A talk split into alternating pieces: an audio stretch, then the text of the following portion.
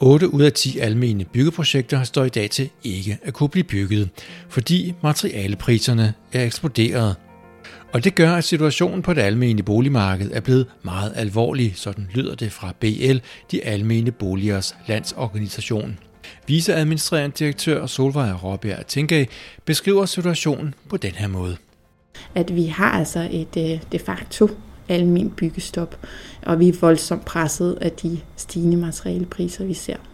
Op mod 22.000 nye almene boliger og en politisk aftale, der bakkede ambitionen op med 10 milliarder kroner. Det var, hvad den daværende boligminister Kåre Dybvad Bæk kunne melde ud sidste år. Vi fremlægger en plan i dag, der skal sikre 22.000 flere almene boliger. Siden har de almene boligselskaber haft travlt med at tegne nye projekter, men mange af de kommende nybyggeriprojekter lægges lige nu fladt ned. De almene boligselskaber må nemlig slet ikke sætte byggerierne i gang, når materialepriserne er så høje. Kodeordet er maksimumbeløbet på, hvor meget en kvadratmeter nybyggeri må koste. Det er politisk bestemt, og derfor er det nu kun en politisk beslutning, der kan være med til at ændre virkeligheden, lyder det fra byggedirektør Rasmus Jessing fra KAB. Men vi har brug for hjælp til det her maksimumbeløb, ellers så kommer vi ikke nogen vej. Så hvordan ser virkeligheden ud for den almene boligsektor, og er der hjælp på vej fra politikerne? Skal man tro SF's boligordfører Halime Ogus, så har Christiansborg nu et ansvar for at få løst knuden. Men nu står det jo til at blive bremset, og det synes jeg er meget ærgerligt. Og jeg vil presse på til det sidste øh, i forhold til at få løst det her problem. Hvad der mere præcis skal til for at løse udfordringerne, så der ikke rives store huller i byggebranchens ordrebøger, ja, det skal vi høre mere om i denne udgave af byens podcast. Mit navn er Lasse Solsunde. Byggebranchen er blevet sat skakmat af de hæftige stigende priser på træ, tegl, cement og transport. Af de 3300 almene boliger, der er under planlægning, er det nu kun 500 boliger, der faktisk kan bygges, efter at budgetterne endda er blevet rundbarberet. Det loft, der er lagt over prisen for et nybygget kvadratmeter almen bolig, bliver for tiden kraftigt overskrevet. Og det er et problem, siger VL's viceadministrerende direktør Solvej Robert Tinkag. Sige, vi står i en situation, hvor at 8 ud af 10, og lidt mere end det endda, ikke kan blive bygget. Det er almene boliger, der er brug for. Og det kan få alvorlige konsekvenser, når vi kigger længere frem. Det er en meget alvorlig situation, når vi kigger på det almene byggeri, men sådan set også en alvorlig situation for boligmarkedet. Og det gør lige nu ondt på de almene boligselskaber. Intentionen med at frigive de mange nye penge, der skal sikre et boom af den almene boligsektor, skal også kunne sikre beskæftigelsen inden for byggeriet på lidt længere sigt siger BL's viceadministrerende direktør. Så vi er jo nødt til at, at finde på nogle løsninger, der kan løse den akutte udfordring, for jeg tror ikke, vi kommer til at se nødvendigvis materialepriserne til af lige nu og her. Vi kan se, at efterspørgselen i byggebranchen falder gevaldigt nu, øh, og vi kan også godt se, at når vi kigger frem, at ordrebøgerne hos entreprenørerne, at de begynder altså at tynde ud. Så vi ser måske frem, at byggeaktiviteten er toppet og, og bremser simpelthen op. Så det er også det rigtige tidspunkt at gå ind og finde en løsning, så vi sikrer, at byggeriet sådan set også kan blive ved med at, at holde til og sikre deres aktivitet. Men de store ambitioner om at bygge flere almene boliger har nu ramt muren, fordi man ikke bygger det planlagte, så trækker det også negative spor ind i fremtiden, siger Solvej Råbjerg Tænkag. Et almindeligt byggestop får rigtig store konsekvenser for boligmarkedet, også når vi kigger fremad. Når vi ikke får bygget de projekter og de boliger, der er og har været planlagt igennem en årrække, øh, så er det boliger, der kommer til at mangle. De mangler allerede i dag. Der er lange ventelister til de almene boliger mange steder rundt omkring i landet. Og det er lige nu manglen på en helt bestemt boligtype, der lægger et særligt pres på boligmarkedet for tiden. Hvis man skal kigge på boligerne, så er det jo boliger til blandt andet ældre. Det er jo også en gruppe, så hvor vi ved, at ældregruppen vokser fremadrettet. Der er et større behov for boliger til ældre, seniorer i det hele taget, egnede boliger. De ældre, der står lige nu og har, har brug for en bolig, de kan flytte ind i med øget tilgængelighed, hvor de kan komme rundt. Øh, og det er jo noget, der kan hæmme hele boligmarkedet, og også hæmme mobiliteten på boligmarkedet. Hos det almindelige boligselskab FSB ser situationen også dramatisk ud, fordi en række projekter, der har været forberedt gennem en lang årrække, nu lægges helt ned. Det har givet direktør anne Sofie Hansen sved på panden. Vi er simpelthen i en situation nu, hvor at maksimumbeløbet slet ikke kan være med på de priser, som vi får ind. For eksempel skal FSB bygge 22 nye boliger i et eksisterende seniorbofællesskab, men det var slet ikke muligt, fordi der ikke var nogen entreprenører, der bød ind. Og der var fem bydere, som vi inviterede til at give bud på opgaven. Men vi fik ikke et eneste bud. Men fik til gengæld den tilbagemelding, at man simpelthen ikke kunne levere et projekt inden for vores økonomiske ramme, inden for maksimumbeløbet. Og der var faktisk en af dem, der viskede i øret, at slag på tasken var vi nok 30 procent fra at kunne levere den entreprisesum, som de havde behov for. Og det jo meget alvorligt. Og når mennesker, der havde regnet med at flytte ind i nyt byggeri, ikke opgiver deres gamle lejligheder, så stopper det den naturlige udskiftning af boligerne generationerne imellem. Vi står nu med 25 seniorer derude, som har været med til at udvikle det her projekt, og som havde glædet sig til at skulle flytte ind i et seniorbofællesskab i 2023 efter syv års udviklingsarbejde. Og det kommer så ikke til at ske. Vi har nogle ældreboliger i udbud derude også, i et plejecenter i samme område. Der er vi selvfølgelig bekymret for de priser, vi får ind der, og om det så heller ikke kan lykkes. For anne Sofie Hansen er der kun én løsning, og det er politisk vilje til at gøre noget. Så vi har behov for en politisk løsning. Vi har behov for, at der bliver fundet nogle løsninger, sådan så vi ikke står med alle de her nye byggeriprojekter, som dybest set ikke kan realiseres. Og det er byggerier i hele landet, der lige nu ikke kommer i gang, viser opgørelser fra BL. Det er fra Læsø til Tønder og fra Varde til København, siger BL's viceadministrerende direktør Solvej Robbia Tænke. Øh, og det er jo ikke projekter, man kan tage op igen om et par år, og så sikre, at det bliver bygget. Det er byggegrunde, der står tomme hen. Det er byggeplaner, der går i vasken. Der er investeret i det fra boligorganisationernes side, der er investeret i det fra kommunernes side. Ikke mindst er der en stor efterspørgsel på boligerne. Så alle taber i det scenarie, vi ser ind i lige nu. Også hos KAB har man ramt det loft maksimumbeløbet, der skal sikre, at de kommende huslejer er til at betale for de nuværende eller kommende lejere. Byggedirektør Rasmus Jessing siger.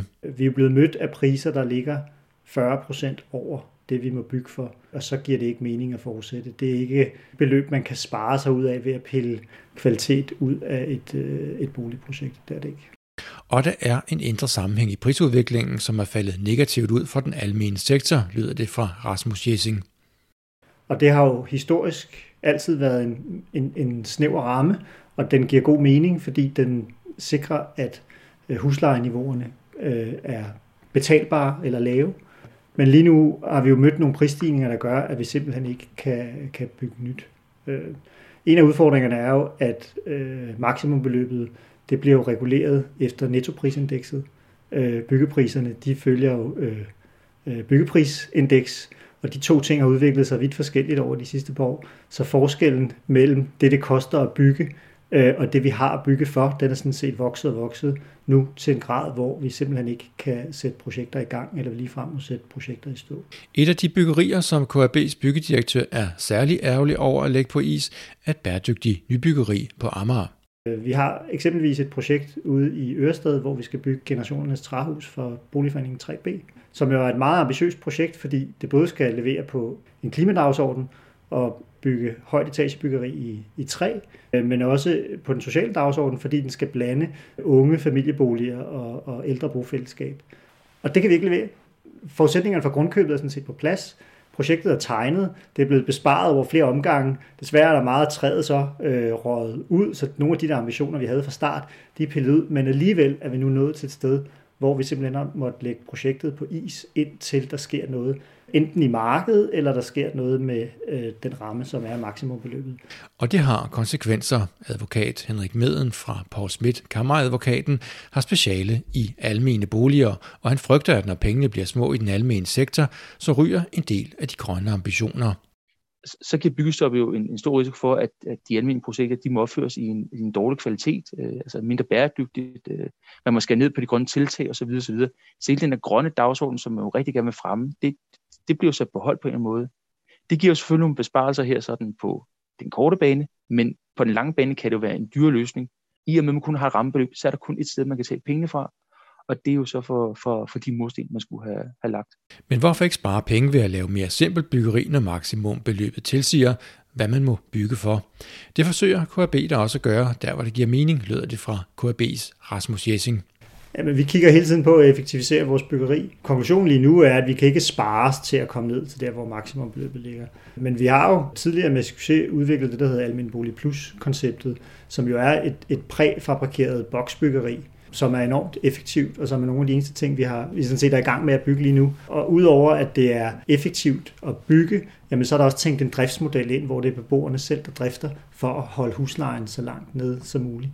Øh, og den her type koncepter vil vi gerne videreudvikle. Og måske kan man i højere grad så hænge maksimumbeløbet op på en, på en totaløkonomi, altså sådan en, en livstidsanalyse, og så sige, jamen, er det, er det, er det udgifterne i hele byggeriets levetid, vi skal kigge på, og ikke udelukkende det, det koster at bygge. Ifølge Rasmus Jessing skal politikere nu i sving med at finde løsninger, og der kan det give mening at liberalisere, i hvert fald i det små. Der har også været tidspunkter i historien, hvor der ikke har været et maksimumbeløb. Det er måske lidt kontroversielt, men hvis vi blev sluppet fri i den almindelige sektor øh, og, og kunne bygge for det, det kostede, så kan det godt være, at huslejen i første omgang ikke vil være øh, så lav, som vi gerne vil have, den skulle være. Men over tid med den afregningsmodel, vi har, og den lille udvikling, der er i huslejerne i vores øh, boligmasse, jamen, så vil det blive betalbare boliger. Lytter man til BL's Solvær Råbjerg Tinkag, så skal der nu findes midler her og nu når vi så kigger på løsningsmulighederne, jamen så har vi i, i BL jo også foreslået, at man laver et gennemførelsesbidrag, at man giver det tilskud til at dække de ekstra omkostninger, der er lige nu. Og også, at man laver det i en model, hvor det ikke kommer til at betyde øget husleje i de almene boliger, fordi det er der ikke nogen, der har en interesse i. Og der er pengekasser, der nu kunne komme i spil, siger BL's viceadministrerende direktør. Landsbyggefonden og Nybyggerifonden er jo også nogen, der kan gå ind og give det her ekstra gennemførselsbidrag. Det er en måde, man kan sikre finansieringen på. Det kan også være staten, der kan komme med et ekstra tilskud øh, i, i den akutte situation, vi står i. Og med den seneste aftale omkring de almene boliger, så afsættes der 5 milliarder kroner. Det kunne være oplagt at bringe de midler i spil for at løse den nuværende krise, siger hun. Øh, det ligger måske også lige for at kigge på, om en del af de midler, der er sat af i den boligaftale, kan blive brugt til os at finansiere de boliger her, som står i en, voldsom øh, knibe. Øh, fordi det er jo lige så meget boliger, som vi har brug for. Det er også en del af de 22.000 boliger, der er en ambition om at, bygge. Siger Solvej Robbie Tænke. Halim Ogus er boligordfører for SF, og hun har været med til at forhandle den boligpakke, som regeringen fremlagde i efteråret 2021. Hun var meget stolt af resultatet, og derfor ærger det hende dobbelt, at de almene byggeplaner ikke kan føres ud i livet, som de var tænkt.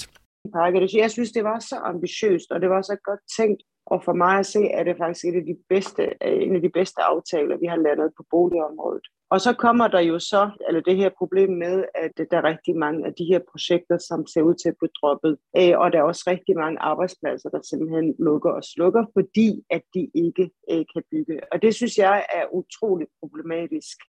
Ifølge Halim Ogus er det nu regeringen, der skal finde de flere penge, der kræves, og det haster. SF'eren har derfor sammen med enhedslisten presset på for, at regeringen skal finde ekstra penge. Et midlertidigt bidrag til at gennemføre de almindelige byggeprojekter står højt på SF Boligoverførens ønskeliste. Altså det ene, det kunne jo være at øh, hæve øh, rammebeløbet. Øh, og det vil jo så betyde, at huslejepriserne så også stiger, men der synes jeg godt, at regeringen kan gå ind og ligesom at kompensere for det, ligesom man har gjort med hjælpepakker under corona.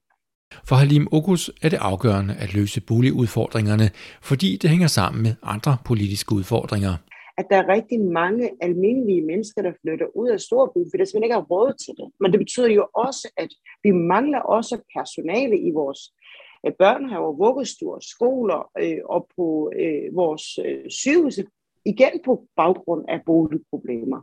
Anden og tredje behandlingen af loven kommer til at ske i den anden uge af juni måned, og forud forventer Halim Ogus, at regeringen kommer med et ændringsforslag. Det det, der er vigtigt for os, det er, at vi finder en løsning på det.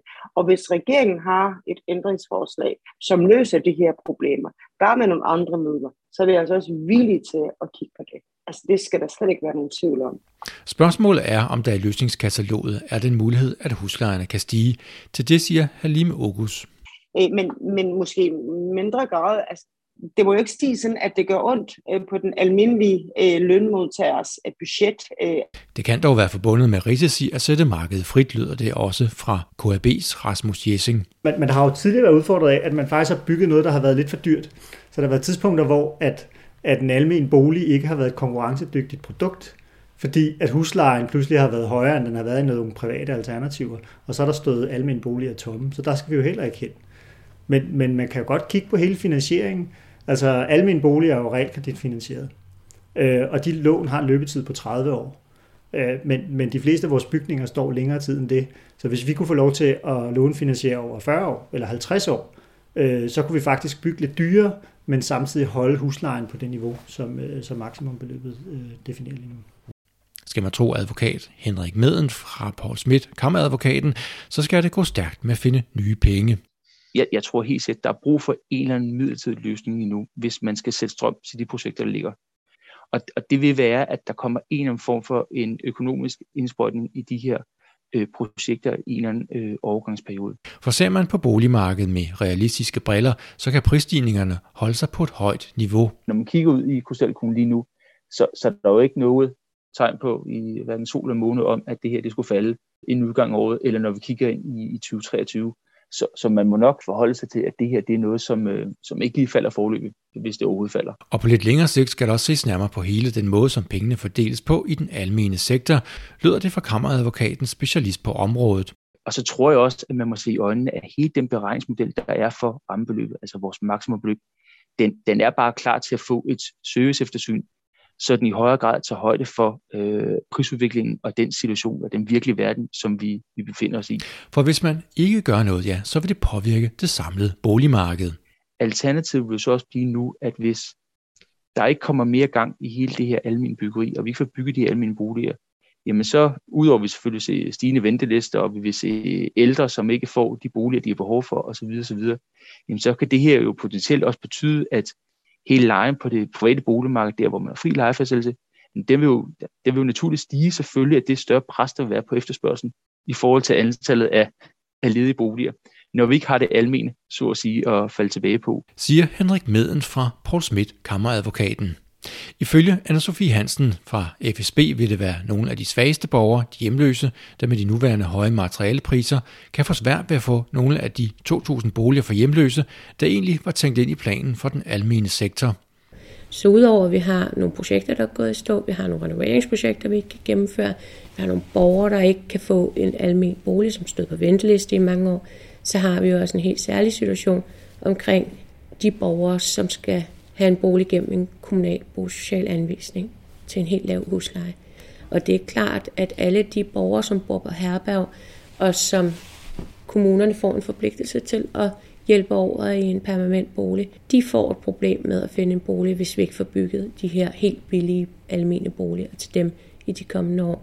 Dem får vi meget vanskeligt ved at bygge i det marked, vi har nu. Ifølge Solvej Råbjerg tænker fra BL, så er hele ideen om de blandede byer, der kan lide under de nuværende de facto byggestop i den almene sektor. Jo, og nu handler det også om at få bygget de blandede byer. Øh, og det handler i høj grad om at få bygget flere forskellige boligtyper og ejerformer. Øh, og derfor er der også en målsætning om at bygge almene boliger. Den målsætning, det er den, der står for forfald lige nu i, i den situation, vi kigger ind i. Og sådan lød det fra BL's viceadministrerende direktør, Solvej Råbjerg Tænkage. Du lytter til byens podcast. Til retlægger af denne podcast er Lisbeth Fibiger. For interviews, redigering og manus stod jeg, Lasse Sol Sunde. Og tak fordi, at du lyttede med.